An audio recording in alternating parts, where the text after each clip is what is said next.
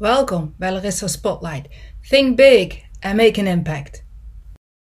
Nou, en als uh, expert uh, van Mars, goedenavond Michael. Gezellig dat je er weer bij bent. Goedenavond. Ik, ik zet hem even op mute, want dan eh, kan ik nog even een hapje eten. Ga ik lekker meeluisteren. Dat is goed. Als ik dan vragen heb, dan uh, haak ik kan ik ja. Dat is goed. Nou, Patrick, we gaan het vandaag hebben. Bestaat er zoiets als de ware liefde? We hebben natuurlijk net Valentijnsdag gehad. Uh, nou, en jij bent natuurlijk als expert in, uh, binnen MAFSE nou ja, toch wel aardig wat zicht op hoe werkt dat nu? De ware liefde bestaat zoiets, want jullie maken matchmaking. Uh, en dan mogen wij als publiek meekijken. Dus kan je daar iets meer over, over zeggen, over je ervaringen en eventueel het onderzoek wat je daar inmiddels ook over gedaan hebt? Ja. Zal ik meteen ook antwoord geven op de vraag van vanavond of ware liefde bestaat? Ja, doe maar eens misschien wel Of, of, of, of uh, worden mensen dan meteen heel paniek? dat zou dat kunnen gebeuren. Nou ja, als we meteen uit de room verdwijnen, dan weten we genoeg. nee, en laat ik meteen antwoord geven. Nee, de ware liefde bestaat niet. Uh, en uh, ik zal dat straks ook wat verder toelichten waarom we daar uh, vanuit onderzoek een vrij resoluut antwoord op geven. Ehm, maar ehm, ja, dat, dat, dat klinkt misschien uh, heel vreemd, maar uh, misschien bestaat wel de ideale liefde. Of misschien bestaat wel de, best mogelijke liefde. En even hè, als we kijken van, uh, als we mensen matchen, als we mensen koppelen, dan proberen we naar heel veel factoren te kijken. We kijken naar fysieke kenmerken, we kijken naar persoonlijkheid, we kijken naar bagage die mensen meenemen. En uh, op basis daarvan probeer je twee mensen bij elkaar te brengen. En ja, de, de grote vraag is altijd, is dat de ware liefde? En het bijzondere is dat mensen gaan iets voor elkaar voelen of ze gaan niet iets voor elkaar voelen.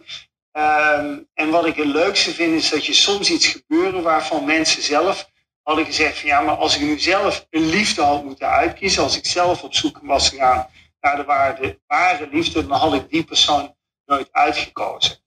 En uh, het bijzondere is ook dat we weten uit onderzoek is dat bij mensen, we zijn van nature geneigd om de best potentiële partner te kiezen binnen het gegeven aanbod. En wat betekent dat als je kijkt naar een oersysteem of als je kijkt naar hoe wij mensen van nature in sociale groepen leven, dan is daar een potentieel aanbod voor partners. En uh, ja, dan zoeken we eigenlijk de best passende kandidaat uit. En is dat de meest perfecte kandidaat? Ja, waarschijnlijk niet. Want als het aanbod groter was geweest, dan was je waarschijnlijk met iemand anders uitgekomen. En volgens mij hebben we het daar vorige keer ook al over gehad, hè, over waarom zijn er zoveel singles.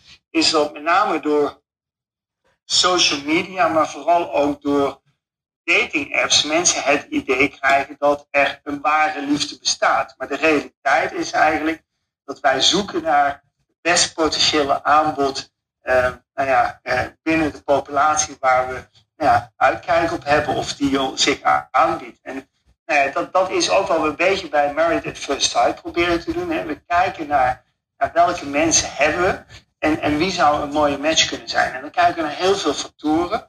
Uh, is dat de perfecte match? Nou ja, als mensen misschien zelf een lijstje hadden mogen indienen, niet. En toch hoop je dat ergens die vonk overslaat, zodat mensen ook uiteindelijk uh, ja, de liefde vinden en dat die liefde ook begint te bloeien. Maar dan zeg je eigenlijk dat uh, um, de mensen hebben natuurlijk een bepaald idee, bepaalde lijstjes, maar eigenlijk hou je er niet echt rekening met het lijstje. Je kijkt gewoon biologisch gezien wat past het beste. Of begrijp ik het nu even verkeerd? Nee, je hebt helemaal gelijk. Nog sterker, dit jaar is het eerste jaar uh, dat we mensen helemaal niet gevraagd hebben of ze lijstjes hebben. Sommige mensen waren er heel teleurgesteld over, want die kwamen letterlijk met een waslijst aan. Uh, en die hadden het ook letterlijk uitgeprint, zo van dit is op mijn lijst. Uh, en dan zeiden wij, nou je mag hem mee naar huis nemen of in de prullenbak gooien, want we doen er niks mee. en ja, we kijken naar biologie. en dat, de biologie is zo vrij belangrijk, omdat dat bepaalt of er een soort fysieke aantrekking is, of, of, of er een soort klik is fysiek. Uh, maar we kijken ook wel naar persoonlijkheden. Dus we kijken ook naar persoonlijkheidskenmerken. Maar we kijken ook naar ervaringen die mensen hebben. Of we kijken bijvoorbeeld ook waar staan mensen in hun leven op dit moment. En uh, dat, dat past niet altijd precies in het plaatje wat mensen voor ogen hebben. Mensen hebben soms zelf iemand voor ogen uh, waarvan wij denken van ja, uh, dat kun jij voor ogen hebben. Maar als je gewoon eens van afstand zou kijken, zou er misschien veel beter iemand anders bij passen. Leuke vind ik zelf ook wel als je mensen spreekt. Hè, en dat is niet alleen binnen zo'n tv-format, maar dat is binnen heel veel formats. dat als mensen uiteindelijk hun, hun wat ze dan de ware liefde noemen, dan zie je uiteindelijk vaak dat mensen achteraf zeggen van ja, maar dit was niet de persoon die ik op mijn wensenlijstje had staan. Ik liep er toevallig tegenaan en de vlam sloeg af. Dus je merkt ook in de praktijk dat nou ja, mensen wel een bepaald ideaalbeeld hebben, maar dat uiteindelijk de partner waar mensen succesvol aan samenleven, dat dat niet altijd de partner is die ze op een lijstje hadden staan. Ja, maar dan zeg je dus eigenlijk dat uh, lijstjes maken helemaal geen zin heeft. En uh, dat het ideaalplaatje wat we maken, nou, ook eigenlijk gebaseerd is op iets wat eigenlijk totaal niet bij ons past. Maar komen we dan niet weer terug waar we het vorige week over hebben, dat mensen zichzelf eigenlijk niet goed genoeg kennen en daardoor niet goed weten wat er ook eigenlijk bij ze past? Ik kan er heel weinig aan toevoegen, maar die conclusie is vrij, vrij juist. Uh, wat je vaak ziet is dat uh, uh, mensen een lijstje hebben opgesteld op basis van uh, het droomplaatje wat ze voor ogen hebben en hoe dat droomplaatje ontstaat. Ja, dat kan heel verschillende redenen zijn. Hè. Er zijn mensen die, die letterlijk binnenkomen die zeggen van ja, maar dit is het plaatje wat ik wil hebben. Dan brengen ze gewoon een foto mee van een actrice. of vorig jaar, of dit jaar is dat dan eigenlijk wat nu in de uitzending loopt. Maar we hadden de, de, de, de, selectiedagen liepen vorig jaar juni tot en met september. Toen hadden we een man die, die zei tegen de seksologe die meewerkt, al, al een paar seizoenen, zei van ja, maar jij bent mijn ideaalplaatje. ja, dat, dat zijn dan letterlijk plaatjes die mensen neerleggen. En als je mensen dan uiteindelijk vraagt, en dat is een ontzettend cruciale vraag, maar wat heb jij dadelijk die partner te bieden? wie ben jij? Wat, wat, wat, wat ga jij meebrengen in een relatie? En dan merk je dat mensen soms helemaal dichtslaan. Want dat antwoord kunnen ze niet geven. Dus ze kunnen heel goed uh, vertellen wat ze zoeken, maar ze kunnen heel slecht vertellen wat ze kunnen geven in een relatie. En dat is natuurlijk wel heel belangrijk wat jij ook zegt. Van ja, maar dat, dat plaatje moet je wel helder hebben. Want anders, ja, ja, je kunt wel een leuk ideaalbeeld ophangen. Maar als je niet weet wie je zelf bent of, of, of hoe je zelf in elkaar steekt, ja, dan, uh, dan gaat het uiteindelijk uh, toch een vrij complexe zoektocht worden. Ja, Michael, wil jij wat uh, vragen? Ik zal even de microfoon. Nou. nou, dan is, dan is mijn, mijn vraag, maar je zei net iets over. Mensen komen dan aan met een plaatje van een actrice ehm, of acteur. Um, dat is natuurlijk ook maar een ideaal beeld wat gecreëerd is ja, door een manager. Dat zegt natuurlijk ook nog lang niks over de persoon ja, die, die, die, die daarachter zit. Uh, en helaas, de laatste tijd zien we heel vaak dat we die maskers van die beroemde actrices en acteurs, presentators en noem maar op, dat die af aan het vallen zijn. En keihard. de MeToo-beweging is daar een hele mooie van. Um, maar, maar toch hebben wij al heel erg veel behoefte aan een soort ja, ideaalplaatje waar, waar we aan hangen. Maar hoe, hoe, hoe werkt dat? Uh, en hoe zit dat in de, in de dierenwereld? Want ja, daar, zo, hoe werkt het bij de gorillas? Die hebben toch ook niet echt een ideaal plaatje? Nou ja, dat, dat, dat weten we. Kunnen het ze niet vragen.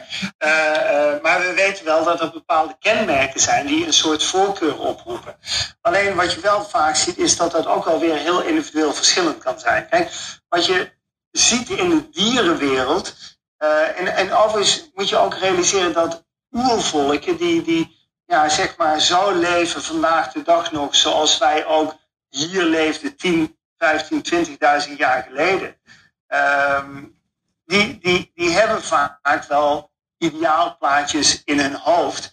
Uh, um, en nu zul je zeggen van ja, hoe weet je nu dat mensen 10 of 20.000 jaar geleden een bepaald plaatje in hun hoofd hadden? Uh, ik, ik heb toevallig voor een ander tv-programma dat, dat binnenkort op net 5 komt, heb ik me verdiept in, in, in de prehistorie. En, en, en wat vond men toen de tijd, zeg maar, een ideaalplaatje. En het gekke is, dat weten we ongeveer. Althans, we weten uh, hoe in uh, 20.000, 30.000 jaar geleden de ideale vrouw eruit zag. Waarom weten we dat? Omdat er zijn zogenaamde Venusbeeldjes gevonden. En dat, dat, dat zijn er best grote aantallen geweest. Uh, en die werden blijkbaar in die tijd, nou ja, ik wil niet zeggen massaal geproduceerd, maar ze werden in ieder geval zoveel geproduceerd dat ze vandaag de dag nog gevonden worden. En dat zijn dus beeldjes die zijn tussen de 20.000 en 30.000 jaar oud. Het zijn afbeeldingen van vrouwen. En uh, we denken dat die vorm van vrouwen een soort ideaalbeeld waren. Een soort uh, tijdschrift uh, waar, waar een soort ideaalplaatje van een vrouw werd gemaakt. Alleen, ja, die werden dan in steen uitgehakt of in, er zijn er gevonden van mammoetivoor. en, en dat waren de plaatjes waarvan we denken, ja, dat vonden we waarschijnlijk toen de tijd ideaal. Dus het is van alle tijden dat mensen een soort ideaalplaatje hebben. En dat het mooie is, we kunnen dat een beetje uit de prehistorie, uit dat soort beeldjes afleiden. Maar we kunnen dat ook afleiden uit onderzoek uh, bij bijvoorbeeld uh, oervolken die nog echt in een bepaalde vorm leven.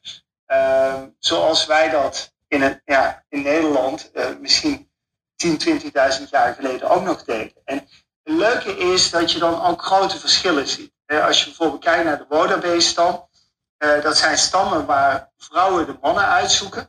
En uh, mannen worden uitgezocht op basis van hun tanden. Mm. Sorry, daar ging ergens iets Gooi mis. je eruit. Ja, Dan komt erin. precies. Dat was niet de bedoeling. Geweldig. Goeie techniek. Ja, en die pakt hij niet meer op. Dat is mooi.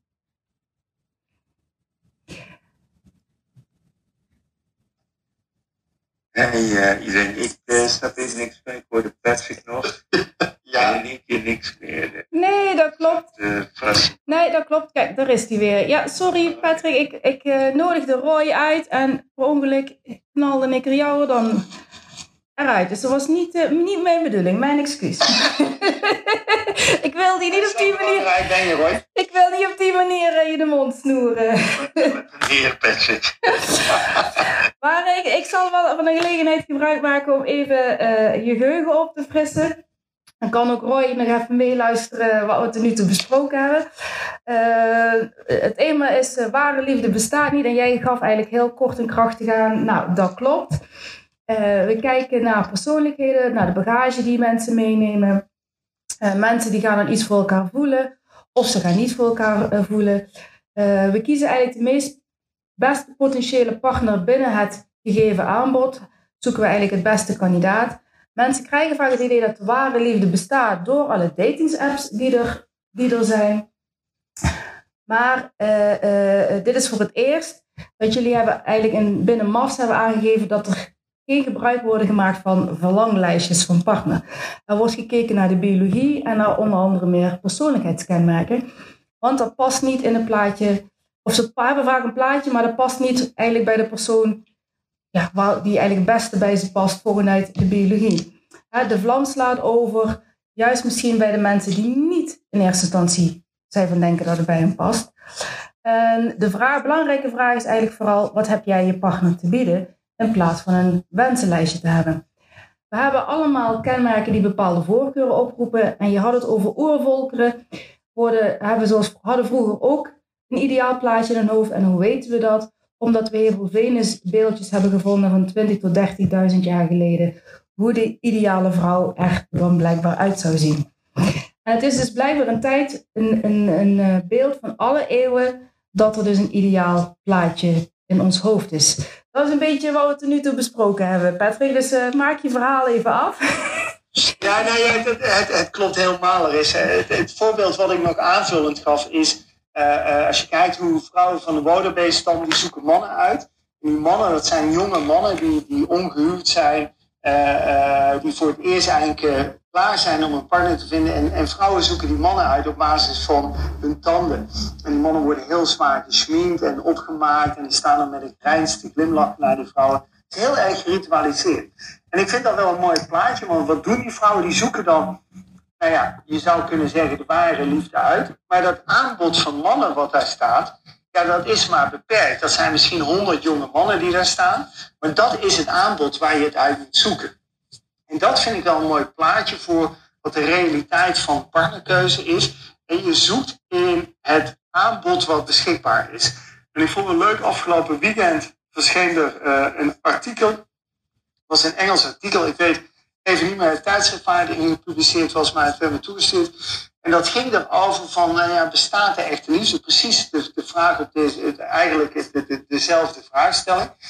En daarin hadden onderzoekers ook gesteld van, ja, als je gewoon heel reëel kijkt, uh, uh, bijna 90% van de mensen vinden een partner binnen een bepaalde fysieke uh, afstand. Dus, dus als je gaat kijken op, op een afstand, ik weet niet wat het precies was, 30, 40 kilometer, de meeste mensen vinden een partner op het werk, et cetera. Dus we zijn ook uiteindelijk tevreden dat we in een beperkte omgeving een partner vinden.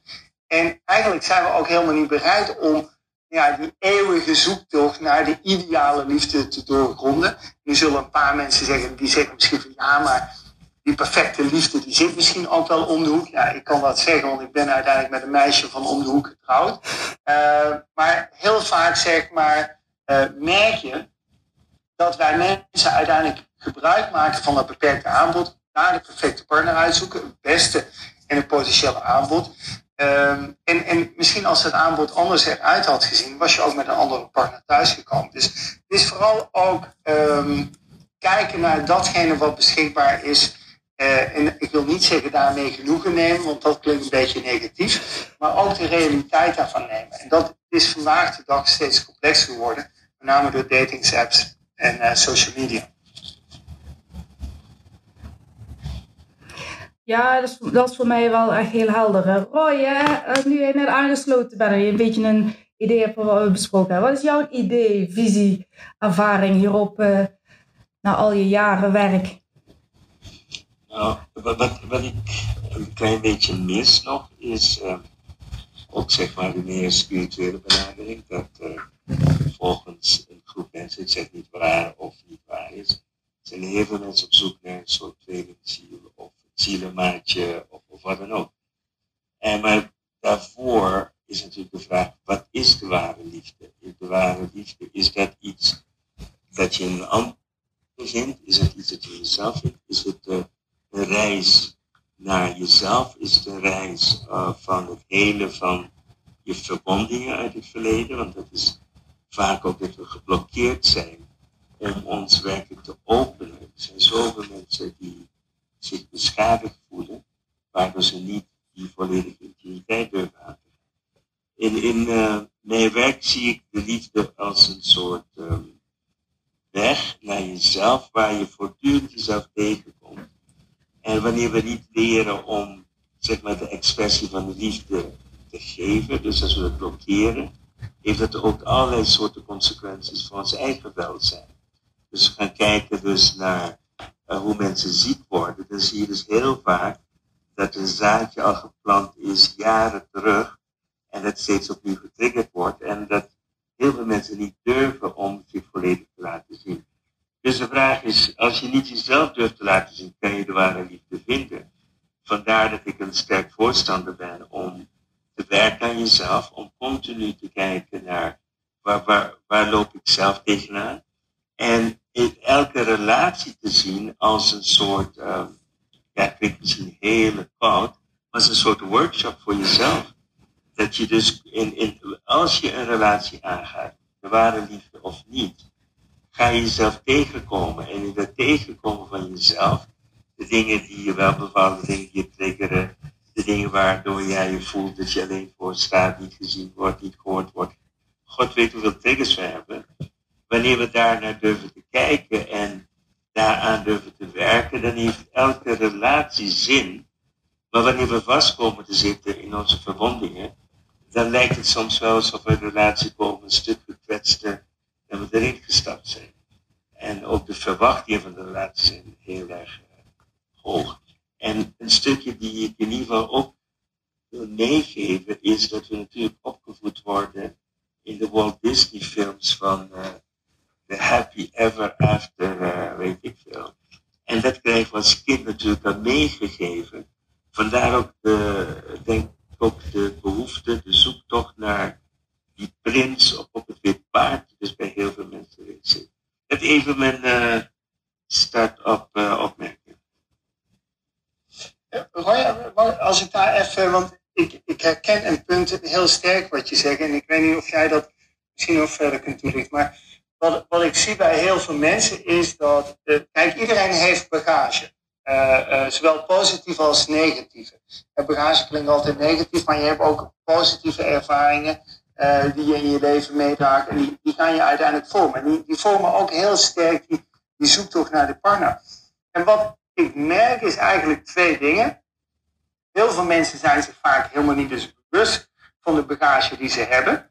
Uh, en weten het ook heel vaak niet te klassificeren of die bagage nu een positieve of een negatieve lading heeft. Dus in de zin van, ja, weet je, dat heeft me iets goeds gebracht of het heeft me iets slechts gebracht.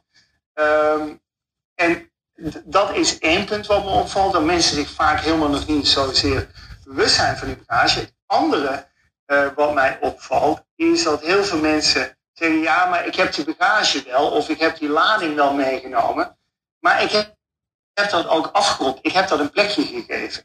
En uh, uh, vervolgens komen die mensen in een experiment of in een huwelijk of een relatie terecht. En vervolgens merk je dat die bagage helemaal geen plek heeft gekregen. En ze, hebben zichzelf overtuigd van, goh, weet je, dat, daar ben ik klaar mee, dat heb ik afgerond, dat heb ik een plekje gegeven, ik kan daarmee omgaan. Uh, maar op een moment als er weer stress ontstaat, of op een moment dat als er dingen gebeuren die ze doet herinneren aan die vorige relatie bijvoorbeeld, dat je dan vervolgens ziet dat het uiteindelijk weer uh, uiteindelijk gaat exploderen of dat het op dat moment uiteindelijk ook gaat ex, uh, escaleren. Herken jij dat ook? Nou, um, ja, niet alleen dat. In, feite zijn er verschillende zogenaamde principes hiermee te maken.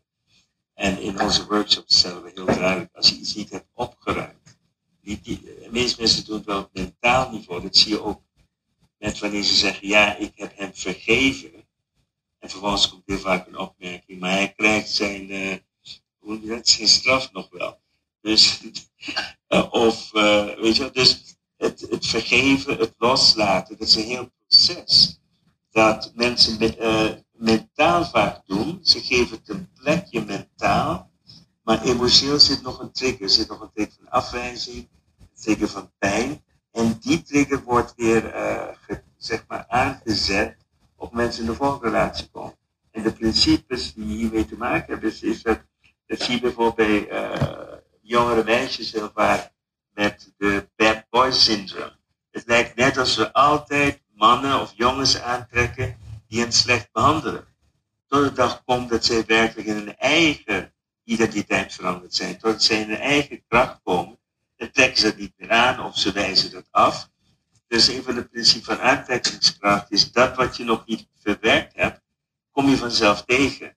En een van mijn uitspraken is uh, ook van, ga pas scheiden als je, zeg maar, je partner je geen pijn meer kan doen, nog kan triggeren. Want dan heb je les geleerd. En vandaar ook dat ik zeg dat uh, liefde en relatie vorm van workshop zijn. Om, om echt in die spiegel te kijken. Om elke, ik zou maar zeggen, trigger uh, te omarmen en een plekje te geven. En dan kun je ook heel snel zien of als de partner hetzelfde doet, of je echt een plek hebt gegeven of niet.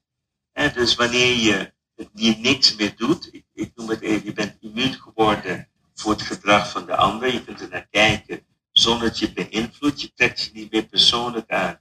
Je laat je niet meer intimideren om jouw waarheid te spreken. Ja, dan heb je een volledige plek ingenomen in de relatie. En dan kun je vanuit dat stuk kun je de ander meenemen en uh, zeg een hand uitreiken, omdat jij een volwassene bent geworden, emotioneel. En ik denk dat dat een groot probleem in relatie is, de communicatie, het oplossen van de conflicten, het helen van uh, de trauma's van vroeger. Als we dat, als we die tools hadden, ja, dan denken we de meeste relaties vele malen beter zouden zijn. Dat is ook de reden waarom wij uh, workshops geen niet zozeer alleen voor relaties, maar dat mensen tools leren waar ze hun eigen pijnen, trauma's en verleden kunnen opruimen. En dan is dat een heel andere benadering. Kom je, kom je door alles heen. En wat ik zelf merk in mijn relatie met Joy, is naarmate je verder gaat en je lost conflicten op, dan merk je dat de liefde steeds intenser wordt. Maar wanneer er een nieuwe trigger wordt, lijkt het net alsof je nog dieper valt. En volgens mij heeft het te maken met gewoon het, hoe meer je liefde ervaart, hoe meer je tegenovergestelde kunt ervaren. Maar wanneer je erop vertrouwt dat je ook daar weer eruit komt, ja, dan is het het mooiste wat je elkaar kunt geven. Een, een stuk veilige plek dat je kan helen. Uh. Ja, ik, ik vind het mooi wat je zegt. Hè. Het, gaat natuurlijk om het, het uh, totaalpakket. Dat, is wat wij vaak als mens wensen. Hè. Maar is, uh, ware liefde eigenlijk, dan eigenlijk niet onbereikbare liefde, of de onbereikbaarheid? Is dat misschien wat de uitdaging voor ons is? Want als je een paar relaties hebt gehad, ga je vaak het goede eruit halen. Uh, en dat probeer je te verzamelen. En, en, dan ga je focussen op, nou, ik zou bijna zeggen, het lijstje wat dan niet bestaat. Maar dan is, het gevoel wat leidt als je iemand tegenkomt, om te kijken of die voldoet aan het uh, totaalplaatje van, van wat je uh, mee hebt gemaakt. Maar eh, is, is het dan ook niet dat we op, op een gegeven moment op een punt komen dat we het eigenlijk allemaal accepteren, dat we denken, ja, weet je, het, totaal, de ware liefde, misschien bestaat die wel, maar misschien is het meer dat wij veel meer moeten accepteren wat, wat, wat alles in balans houdt. Hoe denken jullie daarover? Ja, ik, ik denk dat het belangrijke punt is dat, uh, als ik heel even vanuit de biologie kijk, dan, uh, dan kun je eigenlijk zeggen dat je niet zozeer naar de ware liefde, want dat is een, een vrij complex begrip, maar naar de ideale liefde in het hier en nu aan het zoeken bent. En wat ik daarmee bedoel is, is dat uh, in deze fase van je leven um, ben je op zoek naar een partner die daarbij hoort. Uh, die bij die ontwikkeling hoort. En misschien ben je vijf jaar later of tien jaar later op zoek naar een totaal andere ideale liefde. Het mooie is als die partner zich mee ontwikkelt in die persoonlijke ontwikkeling die je doormaakt. Maar wat je eigenlijk ziet, hè, is dat, nou Roy die noemde net al een beetje de, de disnificatie ook van de liefde. Uh, uh, je komt iemand tegen en dat is ware liefde, dat is perfecte liefde. En dan word je samen vooral heel erg oud mee. Maar wat we vaak vergeten is dat wij maken als mens, en, en niet alleen als mens, dat is een dier ook, maak je verschillende levensfases door. En, en afhankelijk van in welke fase van het leven uh, kan daar een andere ideale partner bij horen. En uh, het mooie is als jouw partner, waar je aan het begin van die relatie mee bent, zich op dezelfde manier mee ontwikkelt. Maar heel vaak zie je dat niet gebeuren. Um, dat, dat is ook een van de redenen waarom sommige mensen enorm verliefd kunnen zijn en tien jaar later zeggen van ja, maar dit is niet mijn ideale partner meer. Nou, dat, daar is eigenlijk niks mis mee. Maar het is natuurlijk wel een heel pijnlijk uh, verschijnsel, ook omdat wij dat maatschappelijk niet heel erg acceptabel vinden. Uh, dus ja, wat, de perfecte liefde of de ware liefde is of de ideale liefde is, uh, dat is dus ook heel erg momentafhankelijk. En dat bedoel ik niet moment vandaag of morgen, maar dat bedoel ik moment waar sta jij op dat moment in je leven. En dat is iets maar als je kijkt in de biologie zie je dat zich continu ontwikkelen. Hè. Dat zie je bij dieren, maar dat zie je ook bij oervolken. Uh, maar dat zie je eigenlijk bij, bij westerse mensen. Vinden we dat toch een heel lastig, complex begrip. Hè. We beloven eeuwige trouw, uh, wat ook ontzettend mooi is. Maar we vergeten even dat we als mens ook nog een ontwikkeling gaan doormaken. Uh, en dat is waardoor heel veel mensen uiteindelijk ook ergens een teleurstelling ervaren in een relatie. Ja, dat graag bij aansluiten. Ik denk inderdaad dat het probleem vaak is de definitie van de waarde liefde. En dat uh, mensen denken dat het perfect moet zijn. Terwijl dus alles een evolutie is. We zijn, en dat zei heel mooi Patrick, we zijn in verschillende fases ons leven aan, aan het groeien. Dus als je jong bent, wil je je even natuurlijk enorm gekoesterd worden. Je haar is belangrijk, je moet er mooi uitzien en noem maar op. En naarmate je ouder wordt, verandert dat. Je hebt meer zoeken naar echte verbindingen, echte gesprekken, noem maar op enzovoort. Dus het, de evolutie bepaalt dus ook wat, wat wij aan een partner vinden. En we zien ook tegenwoordig dat vooral de vrouwen veel verder zich ontwikkelen, vooral op spiritueel gebied. En daardoor meestal uh, met mannen zijn die niet meer ontwikkeld zijn. En dan zie je dus allerlei interessante conflicten ontstaan, waarbij in één gezin kan het zijn van doe jij maar je ding, maar laten we met rust. In andere gezin zijn, zijn conflicten, kan je niet over praten. In andere gezin kijken ze er nieuwsgierig naar. Dus soms ontgroei je op een bepaald niveau op je partner. En, en die interesses kunnen uit elkaar wijken. En ja, is dus is de ware liefde dat je alles vindt in een partner? Of is de ware liefde ook dat je samen groeit met elkaar en elkaar accepteert? Een veilige ruimte creëert voor elkaar om te groeien. En als we dat laatste meenemen, dus de acceptatie, dat de ander anders is, dat de ander kan blijven groeien, maar dat het altijd veilig is om jezelf te zijn, dan is het een stukje thuiskomen. En ik denk dat daar, uh, voor heel veel mensen is het misschien niet de perfecte liefde, maar wel een goede relatie waar, waar men zich gewoon veilig voelt en zichzelf mag, uh, mag zijn. Dus dat stukje ik nog even toevoegen. Als, als ik nog één aanvulling op uh, wat jij net zegt. Hè, je, je maakte even begin een opmerking dat wat we vandaag de dag zien, dat vaak vrouwen spiritueel veel verder ontwikkeld zijn, of meer ontwikkeld zijn, niet verder, maar meer ontwikkeld zijn dan mannen. Uh, dat geldt overigens op natuurlijk meer vlakken. En we weten ook vandaag de dag dat vrouwen uh, gemiddeld hoger opgeleid zijn dan mannen. En dan praat ik met name over de groep die heel erg uh, op zoek is naar een partner tussen de 25 en 35 jaar. Als je naar die leeftijdsgroep kijkt, is vandaag wel gemiddeld hoger opgeleid als man. Terwijl heel veel van die vrouwen, maar ook heel veel mannen nog in die leeftijdsgroep, uh, nog steeds het beeld hebben dat ze een partner zoeken die even hoog opgeleid is. Dat hebben ze hoog op een wenslijstje staan. Waarom, vraagt me niet. Uh, maar dat vinden ze dan opeens heel belangrijk. Maar het bizarre is dat ze zich dan niet realiseren dat ze daarmee een soort wens hebben neergezet, uh, die uiteindelijk vrij complex gaat worden. Om een hele simpele reden dat als je puur naar opleidingsniveau gaat kijken, ja, dan zullen de meeste hoogopgeleide vrouwen toch echt wel een dilemma gaan krijgen dat ja, die pool van mannen uh, uh, met een hoge opleiding, die is gewoon te klein. Hè? Daar ga je gewoon niet voldoende mannen vinden. Uh, en wat je dan merkt is dat bijvoorbeeld het opleidingsniveau is waar ze, wat ze als criterium hanteren.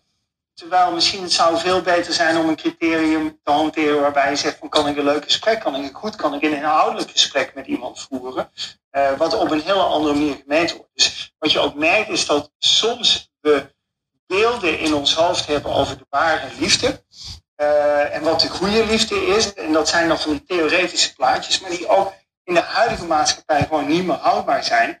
Omdat, nou ja, die, die potentiële groep mannen is er niet. Overigens voor mannen geldt natuurlijk hetzelfde. Dat ze vaak op zoek zijn naar een type vrouw. Van ik denk van ja, die vind je leuk in een blad terug. Uh, maar die ga je niet vinden gewoon buiten op straat. En uh, uh, dat maakt ook al die discussie en ook vooral die zoektocht vaak heel complex.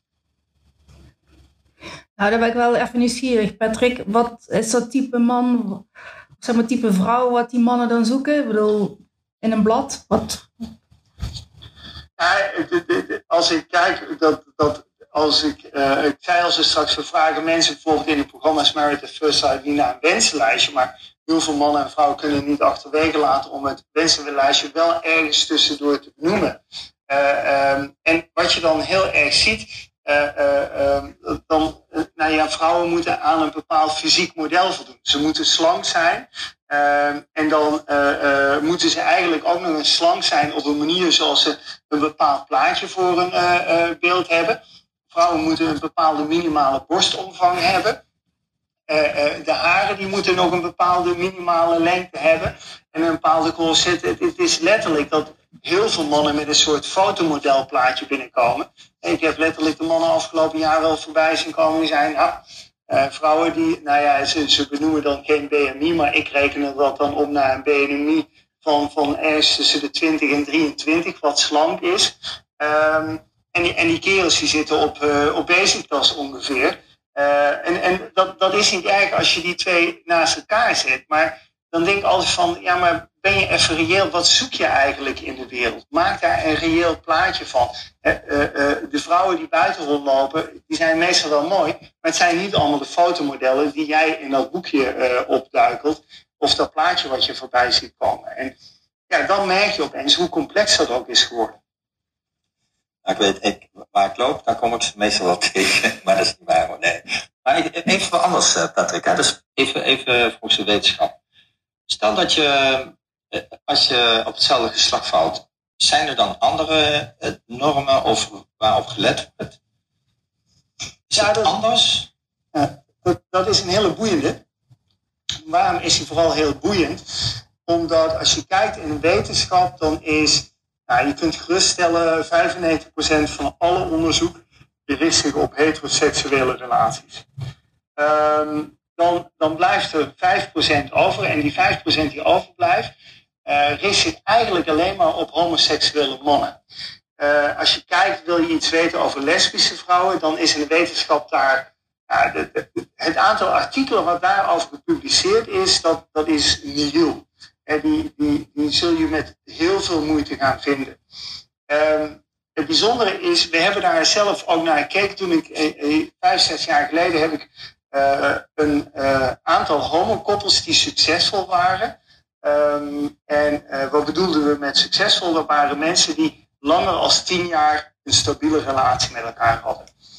en dan nemen we uiteindelijk in de wetenschap aan, als mensen tien jaar bij elkaar zijn, dan zijn ze wel een paar crisissen doorgegroeid. Dan hebben ze ook wel positieve en negatieve dingen meegemaakt. En dan, dan geloven we wel dat ze een stabiele relatie hebben. En we hebben die mannen uh, een, een heleboel vragenlijsten laten invullen. En het grappige is eigenlijk, als je kijkt, dan zou je bijna kunnen zeggen dat datgene wat zij aantrekkelijk vinden, kun je heel goed vergelijken met datgene uh, wat bij heterokoppels geldt. Dus als je kijkt naar heterokoppels, kijken wij heel vaak fysiek naar iemand die redelijk in de gelijke categorie zit. Dus lange mannen zoeken lange vrouwen, uh, kleine vrouwen zoeken kleine mannen. En ja, ik weet, er zijn altijd uitzonderingen. Uh, maar dat is een beetje generieke regel. Dat zie je bij homokoppels ook. De meeste homomannen kunnen de schoenen van elkaar uitwisselen. maar ook in persoonlijkheden zie je dat de, de, de matches die we zien bij succesvolle heterokoppels, dat zie je dus ook voorbij komen bij homokoppels. Dat betekent vaak dat je ziet, als je twee mensen hebt die extravert zijn, moet je, zie je toch dat meestal eentje daar iets minder extravert is. Uh, als je kijkt naar dominantie, het is heel grappig. Uh, maar als je in heteroseksuele koppels kijkt, dan blijkt dat bijna altijd één van de twee partners achter het stuur zit uh, van de auto. Maar dat zie je bij homokoppels ook. Dat is niet dat die wisselen, dat de ene dag de ene rijdt en de andere dag de andere. Nee, het is bijna altijd het gegeven dat partner A altijd achter het stuur gaat zitten als ze samen gaan rijden. Nou, dat, dat soort kleine testjes en vragen kunnen je uiteindelijk iets vertellen over dominantie of over hoeveel controle je wil houden. Dus het bijzondere is, wat we langzaam leren over homokoppels, is dat vergelijkbare criteria gelden bij homokoppels als heterokoppels. Natuurlijk wel met de vertaalslag dat je dan uh, uh, een man een man zoekt. Maar je kunt wel vergelijkbare formules erop loslaten. Oké. Nou, ik heb nog even een vraag uh, aan Roy. Je noemde net iets over tweelingzielen, um, soulmate en ook even de Disney-figuren. En ik weet zeker, uh, nou, ik denk in de spirituele wereld, als ik het zo maar mag zeggen, wordt daar heel erg, nou ja, hoor ik vaker dat, dat daar heel erg naar gezocht wordt. Uh, en, en minder naar wat jij eigenlijk benoemt, um, heel jezelf. En als je dan je ideale zielenmaatje gevonden hebt, nou dan vaak ook nog met vorige levens en weet ik allerlei tamtam eromheen. Nou, dan, dan moet je ervoor gaan, ongeacht alle consequenties. Hoe, hoe zie jij dat? Of heb jij daar... Ja, je lacht, dus ik ben heel erg nieuwsgierig geworden. Heerlijk, heerlijk, heerlijk. Nou, het is, het is best wel complex, want ja, wie, wie zegt wat is waar wat is niet waar. En er zijn hele theorieën over het ontstaan van zielen, dat er zielen zijn die net zoals een eicel op een gegeven moment zich splitsen, enzovoort, enzovoort. En daarnaast heb je ook gewoon het concept van uh, het meer ik zeg het emotioneel spiritueel, dat iemand zo met je klikt, dat, dat er gesproken wordt over zielenmaat. Dus dat maakt het een, beetje complex.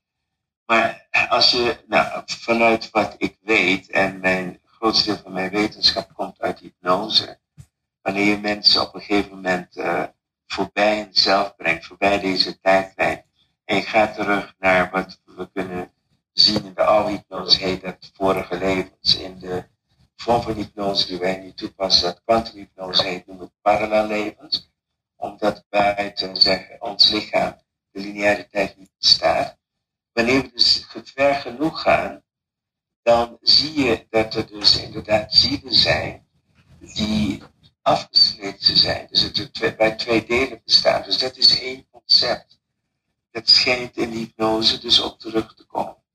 Vervolgens is er een ander concept, is dat wanneer wij het lichaam verlaten, keren we terug naar een plek, een dimensie, mag het hemel noemen of wat dan ook. Daar ben je samen met andere zielen van een soortgelijke frequentie. Dus die zou je ook uh, je spirituele familie op zielenmaat kunnen noemen. En dit zijn allemaal concepten die ik niet bedacht heb. Ja, natuurlijk heb ik er van gehoord, maar die ook echt terugkomen. Wanneer je mensen dus uh, hypnotiseert en terugbrengt. En, en dus nu ook een vorm van hypnose, dat heet Tussen de Levens In. Daar heb ik een hele boek over geschreven, Diep Zielkijken. En daarin zie je dat al deze verhalen bijna hetzelfde zijn. Nou, dan heb je nog iets anders. En dat is, ik noem het een codering. Je hebt bepaalde afspraken met mensen hier op aarde, die je van tevoren hebt gemaakt voordat je incarneert. En wanneer die andere ontmoet, vindt er een trigger plaats en er wordt een code geactiveerd. En wanneer die code geactiveerd wordt, dan is er een, wat zou ik noemen, een soort klik-effect, waardoor jij iets met die persoon gaat ontwikkelen. Maar dus die relatie was al afgesproken. En voor heel veel mensen voelt dat ook aan als een soort zielenmaat of wat dan ook. Dan praten andere mensen over zielenherkenning. Dat wil zeggen dat je iemand herkent die je eerder hebt ontmoet in een vorig leven, parallel leven, god weet wat. En dat het dus daardoor gelijk een soort ja, weten is dat je die persoon kent en die persoon vertrouwt. En die herkenning kan natuurlijk ook in het negatieve plaatsvinden. Dat je iemand niet vertrouwt en weet dat je niets met die persoon. Dus wanneer we gaan kijken vanuit spirituele principes naar, relatie, wordt het nog een stuk complexer. Wat ik eh, mensen altijd meegeef, is dat elke relatie waarin jij bent, ongeacht of dat nu jouw tweelingziel is, zielenmaat, spirituele familie, waar dan ook, is een relatie dat jou iets komt te brengen. En dus je gaat, je kan alles proberen uit te leggen waarom je in een relatie zit, en toch heeft de relatie echt altijd iets voor jou. En het is aan jou om te ontrafelen, om uit te zoeken wat kon deze relatie brengen. En heel vaak zien we dan dat als je dat dus weet, dan heb je twee uh, dingen die je kan doen. Dan is de relatie misschien klaar. Maar of de relatie begint dan pas omdat jij werkelijk begrijpt waarom je in die relatie zit. Dus relatie is een prachtige manier als een soort spirituele ontdekkingsreis. En het allerbelangrijkste wat ik mensen kan meegeven, is dus dat wanneer we de ander onvoorwaardelijk accepteren zoals die zijn, zonder dat we of behoefte hebben dat die ander moet gaan veranderen, dat dat een relatie is waarin het veilig is voor jezelf en voor die ander. En ik denk dat dat eigenlijk de kern is van ware liefde. Het is ook acceptatie van de ander onvoorwaardelijk. Mooi mooi, mooi weergegeven. Je, was gewoon te vertellen. En het enige wat in mij opkwam was dat je eigenlijk tevreden bent. Hè? Dat, dat alles mag zijn, maar dat je daar gewoon een soort tevreden gevoel over hebt. Zoiets. Ja, dat, dat is dan uh, de consequentie. Als je dankbaar kunt zijn, tevreden, voldaan, ja, dat, dan wordt het een prachtige reis. En de ander hoeft niet perfect te zijn. Maar hoe je het tot elkaar verhoudt, wordt dat gewoon heel mooi. Hè? Dat je elkaar alles gunt. En met elkaar ook een gemeenschappelijke visie hebt. Ik denk dat het inderdaad zo belangrijk is, zodat we een gesprekspartner hebben waar we ook echt mee kunnen praten en onze stem mogen laten horen en kunnen luisteren naar wat de ander te vertellen heeft. Wat we vaak zien in deze wereld, is dat mensen zo snel uit elkaar groeien. En daardoor dat een enorm gesprek ontstaat, ook in de communicatie, en dan sluiten we ons af in onze eigen, al of niet virtuele wereld. En dan gaan we coexisteren naast elkaar. Ja, dat, dat zien we steeds meer en meer uh, in deze tijd ook gebeuren. Dat verbaast me wel. Patrick, ik heb er eigenlijk een vraag. Ja, hoe, hoe zie jij dat als, als ja, expert ook binnen MAFS over zielenmaatjes met, met de verlanglijstjes uh, die mensen waarschijnlijk hebben? Ja, Roy slaat me helemaal plat natuurlijk met zijn spiritualiteit en zielenmaatjes. En, uh, ja, daar, daar, snap ik helemaal niks van hoor. Nee.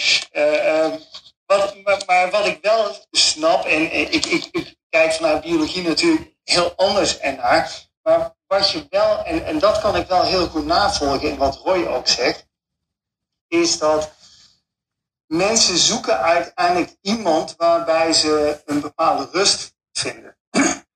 um, waarbij ze een soort rust vinden om uh, uh, uh, te zijn wie ze zijn. Of om datgene te kunnen doen wat ze altijd willen doen.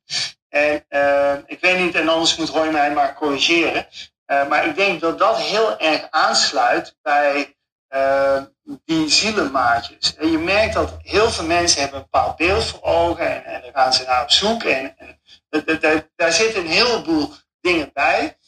Uh, maar vaak op het moment als een relatie een kans heeft, een van de eerste dingen die mensen dan zeggen, ik kan mijzelf zijn. En dat, dat is eigenlijk een hele bizarre uitspraak.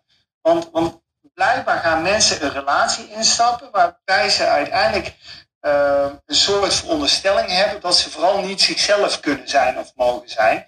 En dan ontstaat er een soort rust waarin ze dan zeggen van, ja, ik vind zo plezierig met de ander, ik kan mijzelf zijn. En, en dat is vaak het moment waarin we zeggen van, nou, dit, dit zou wel eens het succesmoment kunnen zijn. Want dat is een moment waarbij mensen elkaar ook gaan vinden. Dan gaan ze andere type gesprekken voeren.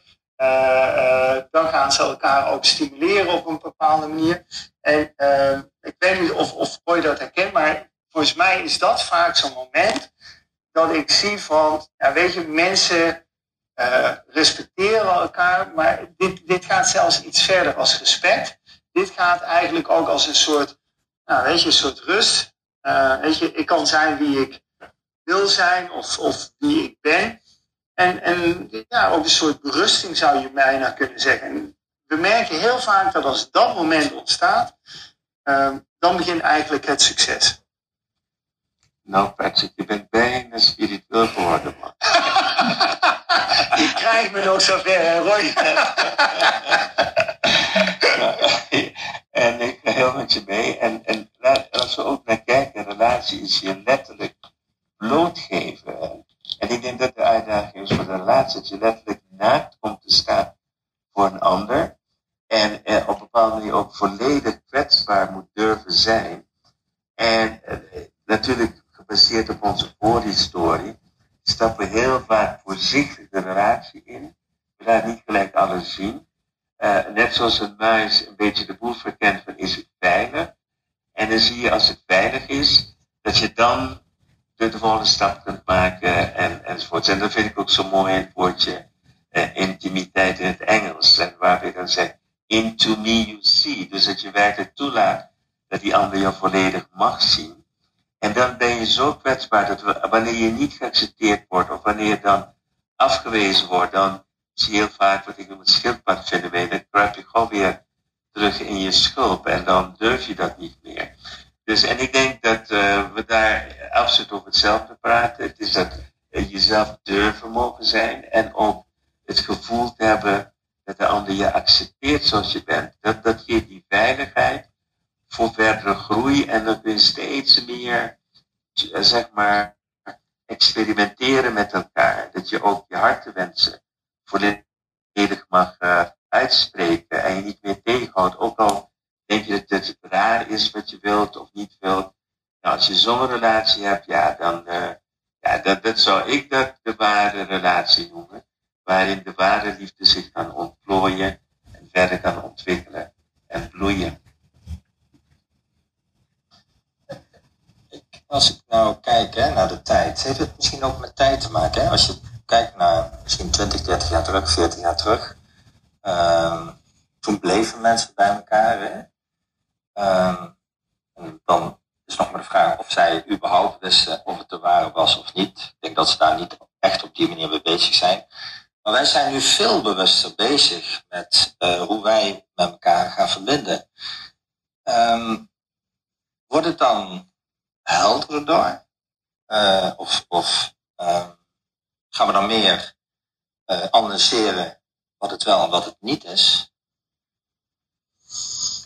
Nou, we weten daar wel iets over, uh, omdat dit wel een thema is waar ook wel veel onderzoek naar is gedaan. En wat, wat we weten is dat uh, heel veel mensen die 40, 50 jaar geleden, 30 jaar geleden uh, bij elkaar bleven, ehm, dat die vandaag de dag, als ze hetzelfde leven, hetzelfde relatie zouden voeren, gescheiden waren.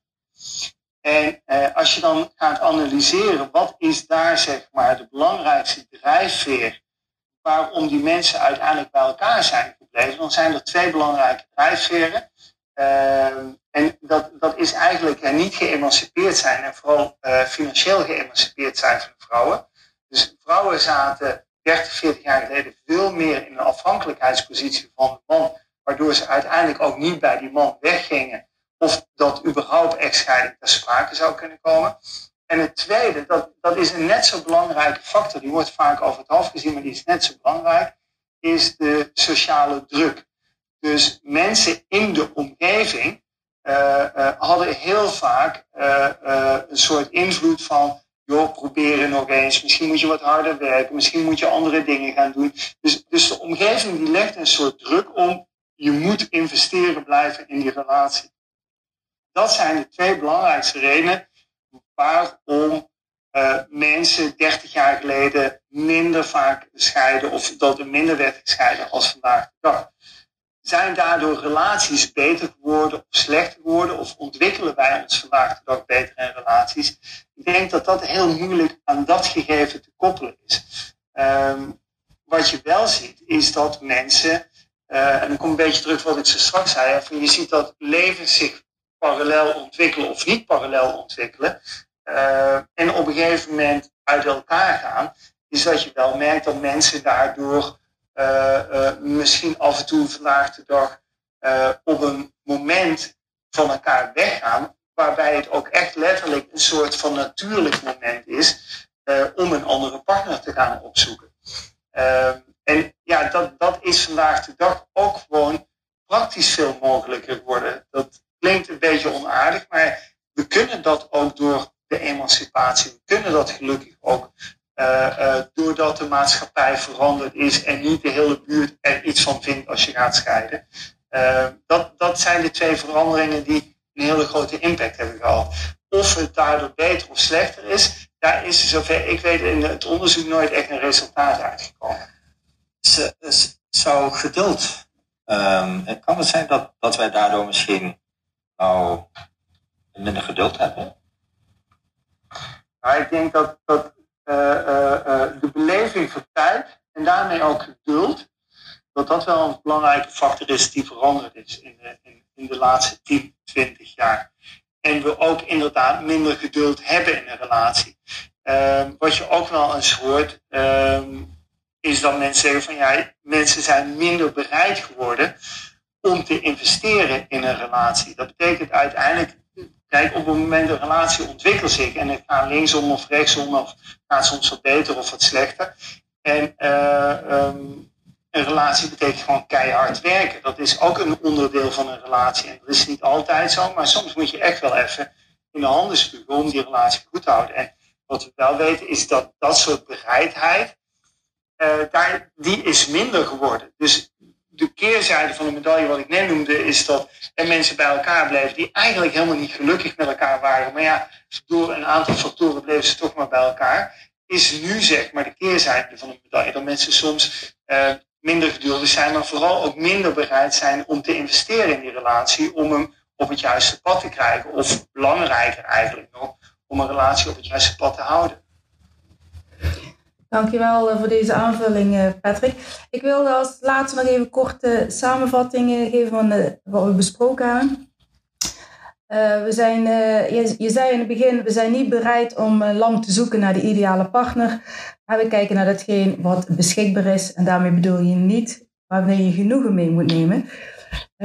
Roy zegt, wat is de ware liefde? Volgens hem is het de reis naar jezelf. Heling van verwondingen uit het verleden. En mensen zijn vaak te beschadigd en willen dus niet echt voor intimiteit gaan.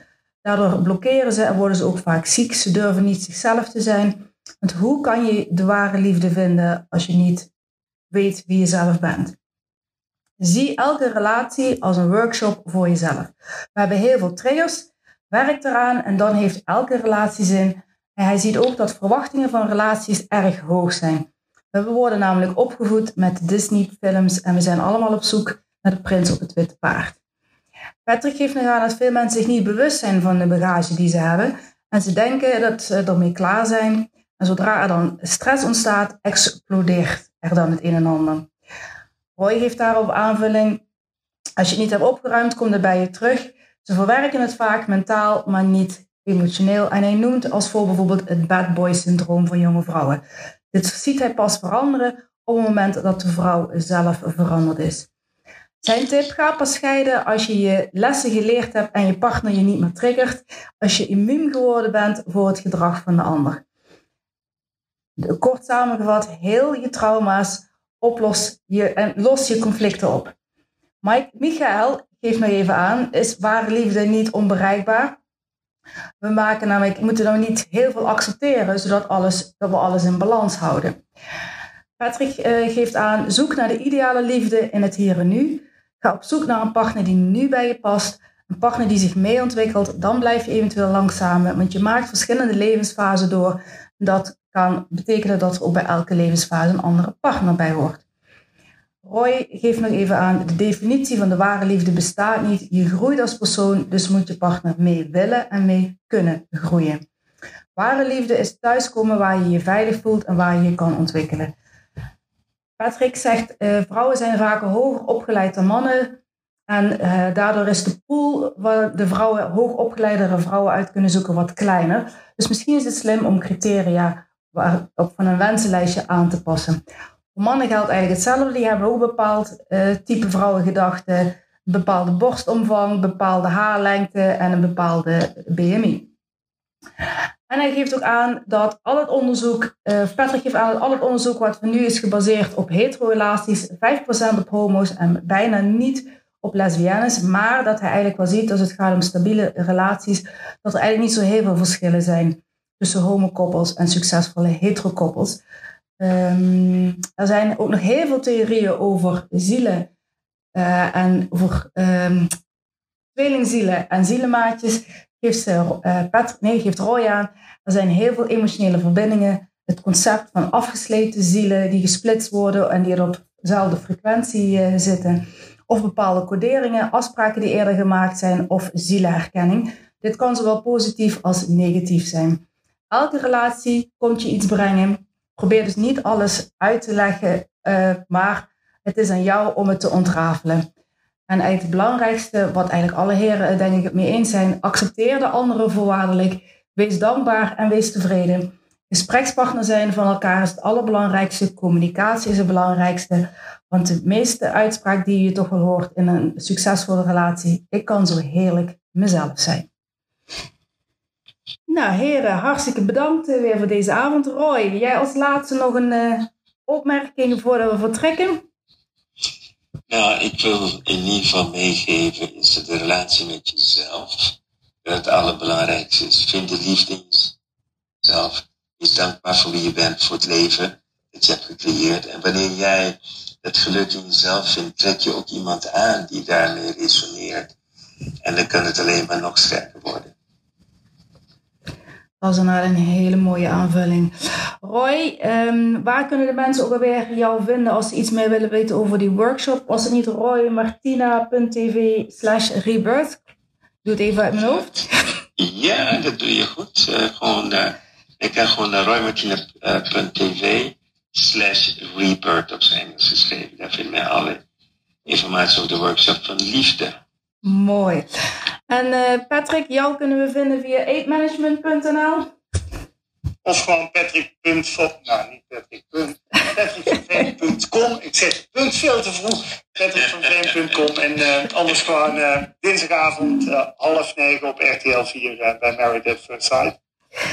Dat is mooi. En uh, Michael, mensen kunnen jou het beste benaderen door jou een uh, privéberichtje te sturen, Instagram, LinkedIn. Of is er ook een website waar we je kunnen terugvinden? Mooi ben ik. Ja, dat is een hele mooie. Mooi ben ik, ja. Dat is een hele mooie. nou, dan... dan... Meteen jaloers op zo'n Ja, ik website. Maar dat... Heeft het over mij? Ja, ja, of jullie allemaal. Of jullie allemaal. Ja, toch? Ik vind het fijn uh, iedereen die meeluisterde en hopelijk tot de volgende keer. Inderdaad, de luisteraars, hartstikke bedankt voor jullie aanwezigheid. Heren, zilverbackruggen, zoals Michael altijd zo mooi zegt. Bedankt ook voor jullie input. En graag tot de volgende keer. Op maandag toch weer? Dan zijn we er weer op maandag, dat klopt. Oké, okay, ja. Oké, okay, thank you. Doei, dag. Doei. Leuk dat je geluisterd hebt naar deze editie van Larissa Spotlight. Tot de volgende keer. Dag.